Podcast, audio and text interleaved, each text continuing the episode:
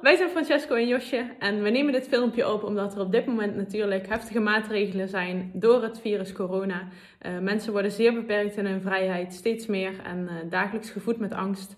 Daar willen we iets voor terug doen, een uh, stukje bijdragen aan een gelukkigere wereld op dit moment. En dat is de reden dat we, dat we dit gaan doen. We gaan de komende tijd iedere dag een filmpje opnemen over bijvoorbeeld gezond eten, gezond leven, goed voor jezelf zorgen, wat nu heel erg belangrijk is.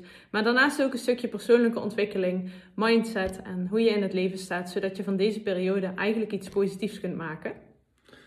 Ja, want we zitten eigenlijk door, uh, door het virus uh, zitten we noodgedwongen thuis, veel mensen.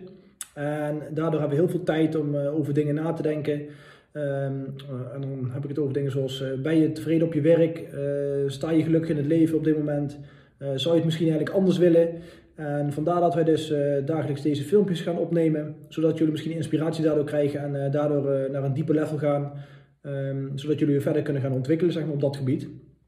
En we hebben er heel veel zin in.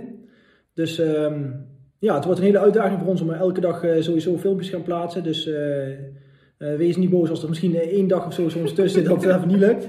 We doen ons best.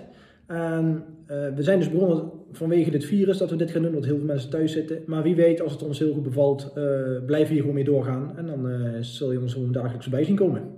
Yes, we gaan het met z'n allen doen. En we wensen jullie nog een hele fijne dag. En tot morgen bij ons volgende filmpje. Yes.